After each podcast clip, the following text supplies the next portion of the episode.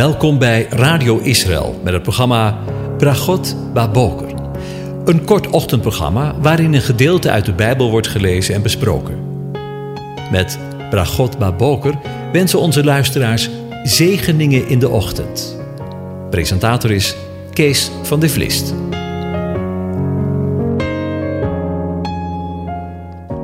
Goedemorgen, Bokatov, beste luisteraars. Vanmorgen maken we een begin met Psalm 132.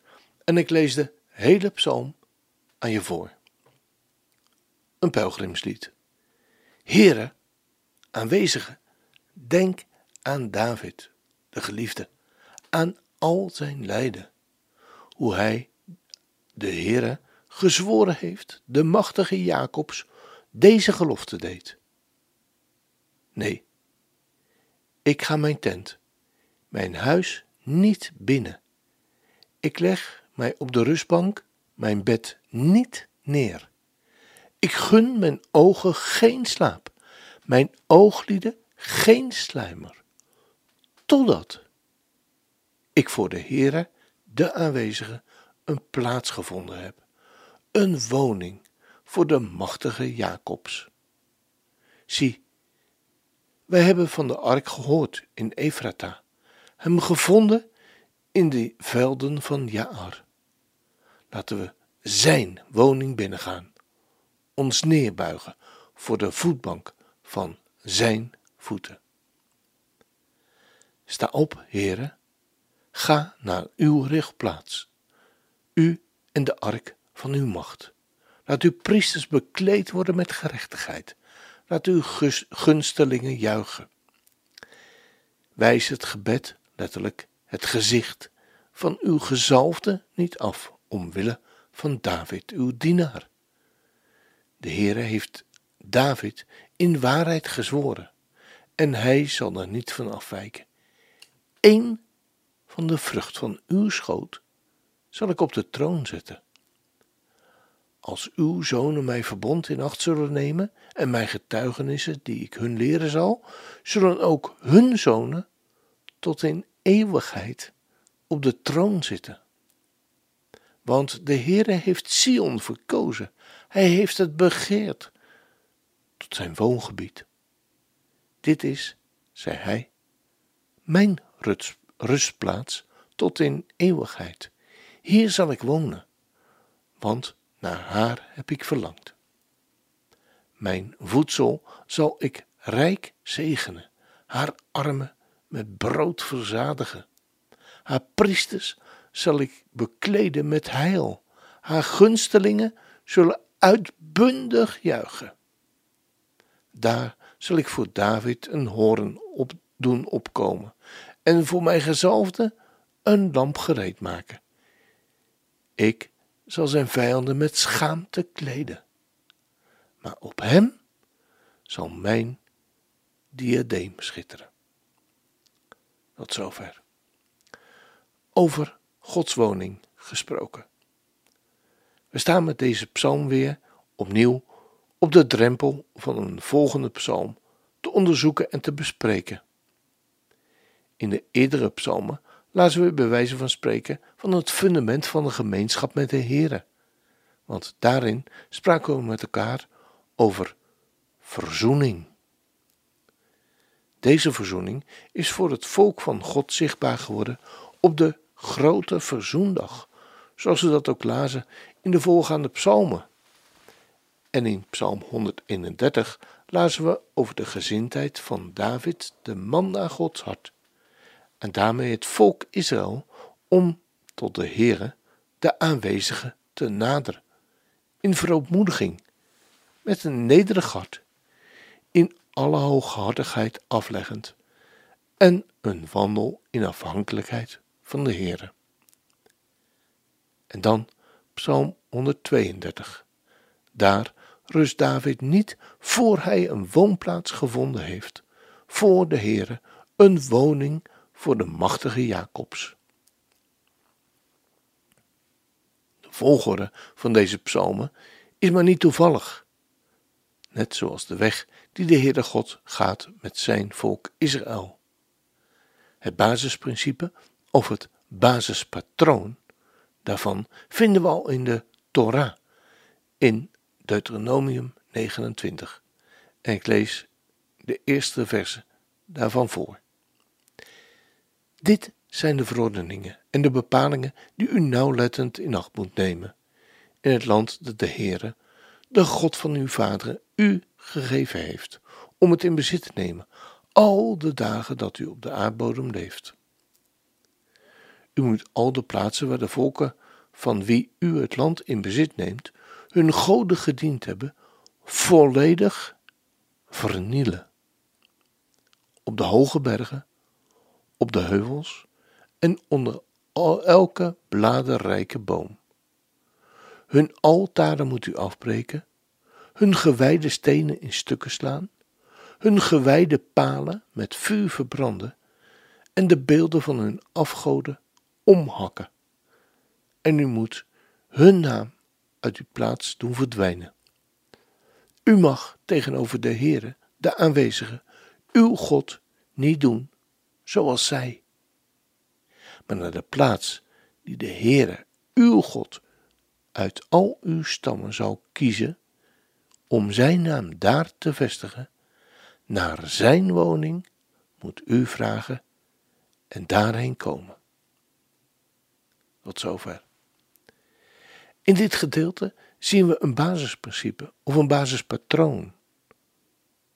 Wil het volk van God gemeenschap hebben met de God van Israël, dan zal alles wat vijandig staat ten opzichte van de God van Israël, alle andere goden, zoals Deuteronomium zegt, bij wijze van spreken een kopje kleiner moeten maken.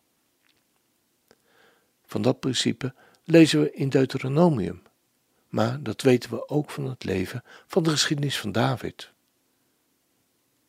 De geliefde, David, die een groot deel van zijn leven strijd geleverd heeft met de volken om hem heen. En pas aan het eind van zijn leven, toen alle vijanden verslagen waren, zodat er ruimte ontstond om voor de Heere een huis en plaats te bouwen. Maar tegelijkertijd zien we dat het nu in deze tijd waarin wij leven en in de nabije toekomst. Wat dat betreft kunnen we Deuteronomium 29 ook profetisch lezen. Zullen we met die gedachte Deuteronomium 29 nog eens leven, lezen? Dit zijn de verordeningen en bepalingen die u nauwlettend in acht moet nemen, in het land dat de Heer uw God van uw vaderen u gegeven heeft om het in bezit te nemen, al de dagen dat u op de aardbodem leeft.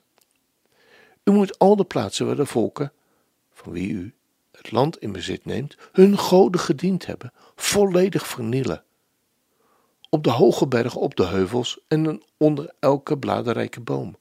Hun altaren moet u afbreken, hun gewijde stenen in stukken slaan, al hun gewijde palen met vuur verbranden en de beelden van hun goden omhakken. U moet hun naam uit die plaats doen verdwijnen. U mag tegenover de Heere uw God niet doen zoals zij, maar naar de plaats van de Heere, die de Heere uw God uit al uw stammen zal uitkiezen om zijn naam daar te vestigen. Naar zijn woning moet u vragen en daarheen komen. Hoe dat allemaal zal gaan, hoeft geen vraag te zijn. Maar daarvan vinden we de uitwerking in het leven van David. Maar eveneens vinden we dit patroon verder uitgewerkt in het boek Openbaringen. Het boek Openbaringen van Jezus Christus. Daar vinden we de strijd die de meerdere David, de geliefde, zoals zijn naam betekent, met alle andere goden en de uiteindelijke overwinning. En zal hij zijn naam daar vestigen, zijn woning, en zullen alle stammen daarheen komen, zoals in Deuteronomium al voorzegd. En zo zien we in Psalm 132 een historisch profetisch perspectief. Een historisch en een profetisch patroon zich ontvouwen. Maar een andere laag in deze psalm is eveneens aanwezig. Want wil God in ons wonen, zijn intrek in ons lichaam, als zijn tempel, als woning willen betrekken, dan zullen alle andere afgoden eruit moeten. En zal een verzoening moeten plaatsvinden, zoals we lazen in de voorgaande psalmen. Alle trots en hooghartigheid zal afgelegd moeten worden. Zullen we Psalm 131 nog eens met die ogen lezen? Heere, mijn hart is niet hoogmoedig, mijn ogen zijn niet trots, ook wandel ik niet in de dingen die te groot en te wonderlijk voor me zijn. Voorwaar, ik heb mijn ziel tot rust en tot stilte gebracht als een kind dat de borst ontwend is bij zijn moeder. Mijn ziel is in mij als een kind dat de borst ontwend is. Hoop op de Heere van nu aan tot in eeuwigheid. Weet u, buiten de periode van Salomo is het Israël nog overkomen dat zij in vrede met elkaar en met de vijanden om hen heen te leven. Zijn rijk was dan ook een beeld van het vrederijk dat binnenkort zal aanbreken met de meerdere koning Salomo. En ook in de tijd waarin wij leven, zal het Israël in eigen kracht niet lukken om vrede met de andere omringende koningen, of met andere woorden, goden, te sluiten.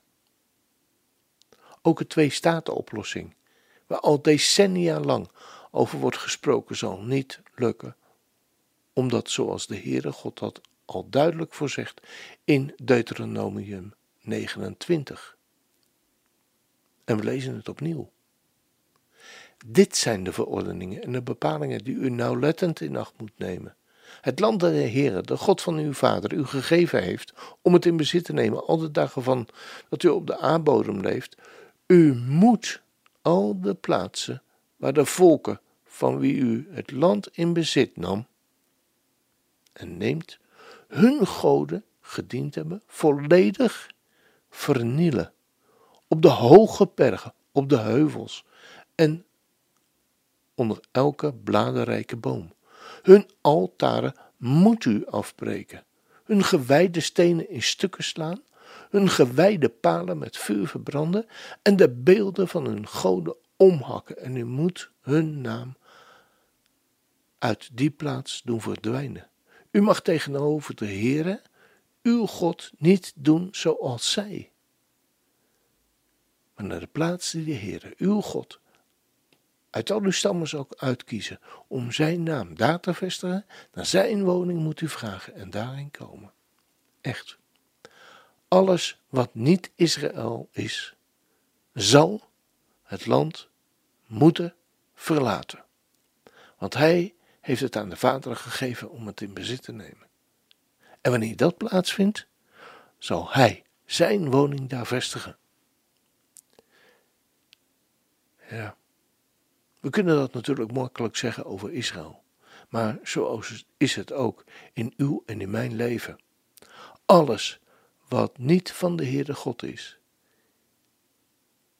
in uw en mijn leven, al die andere goden en godjes, die zullen eruit moeten.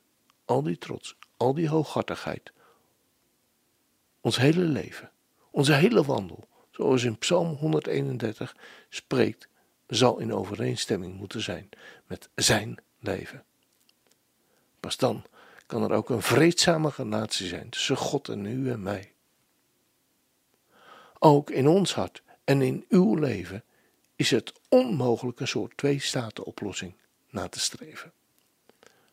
De schrift zegt: U kunt God niet en de mammon dienen. Kies dan heden wie je dienen wil. Weet u, en wat wij maar met alle macht ons leven willen proberen, is om die twee staten oplossing na te streven. God een beetje en de wereld een beetje. Maar ik kan u verzekeren, het gaat ons, u en mij, niet lukken om dat te realiseren. Om werkelijke vrede op die manier in ons leven te vestigen. Het is een pure onmogelijkheid.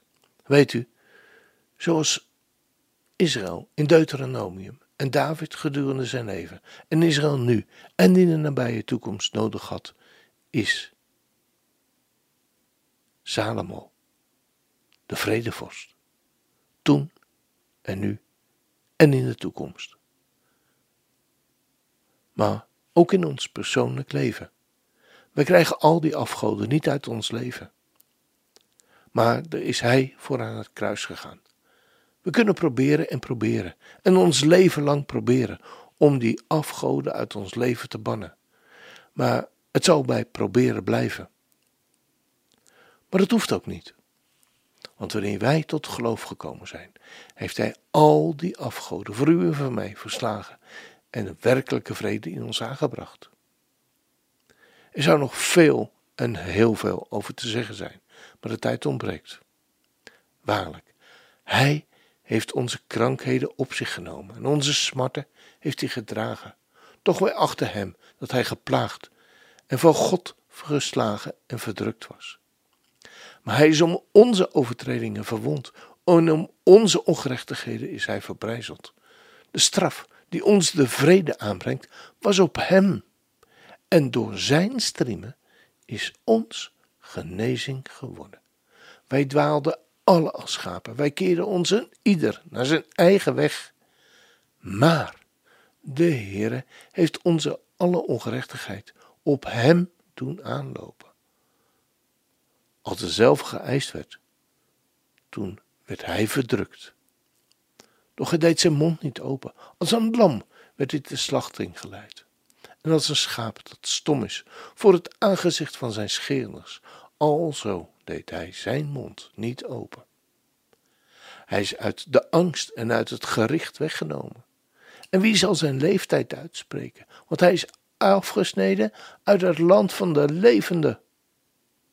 Om de overtredingen van mijn volk is de plaag op hem geweest. En men heeft zijn graf bij de goddelozen gesteld. En hij is bij de rijken in zijn dood geweest, omdat hij geen onrecht gedaan heeft, noch bedrog in zijn mond geweest is. Toch, het behaagde de Heer hem te verbrijzelen. Hij heeft hem krank gemaakt. Als zijn ziel zich tot een schuldoffer gesteld zou hebben, zo zal hij zaad zien. Hij zal de dagen verlengen en het welbehagen des Heren zal door zijn hand gelukkiglijk voortgaan. Om de arbeid van zijn ziel zal hij het zien en verzadigd worden. Door zijn kennis zal mijn knecht, de rechtvaardige, vele rechtvaardig maken, want hij zal hun ongerechtigheden dragen. Daarom zal ik hem een deel geven van velen, en hij zal de machtige als een roof delen, omdat hij zijn ziel uitgestort heeft in de dood, en met de overtreders is geteld geweest, en hij vele zonden gedragen heeft, en voor de overtreders gebeden heeft. Als dat geen zegen is.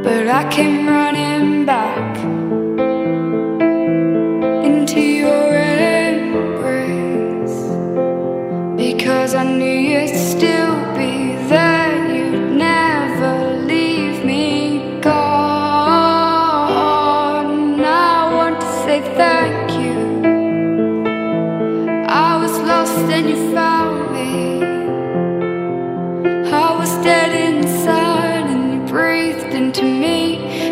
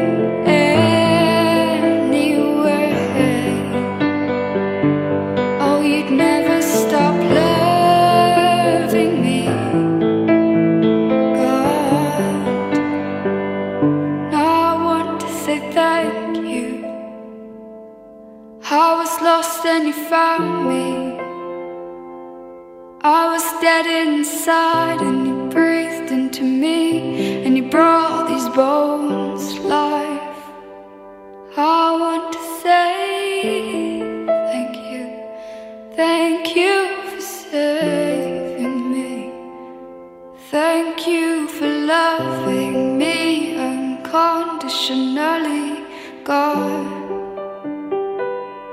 Oh, thank you.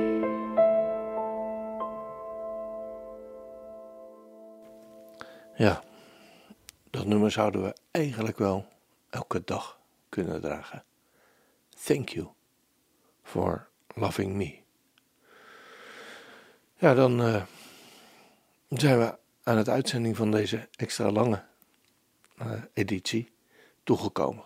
En wens ik u ook vandaag Gods zegen toe. De Heer zegent en hij behoedt u. De Heer doet zijn aangezicht over u lichten en zij u genadig. De Heere verheft zijn aangezicht over u en geeft u zijn vrede, zijn shalom. Amen.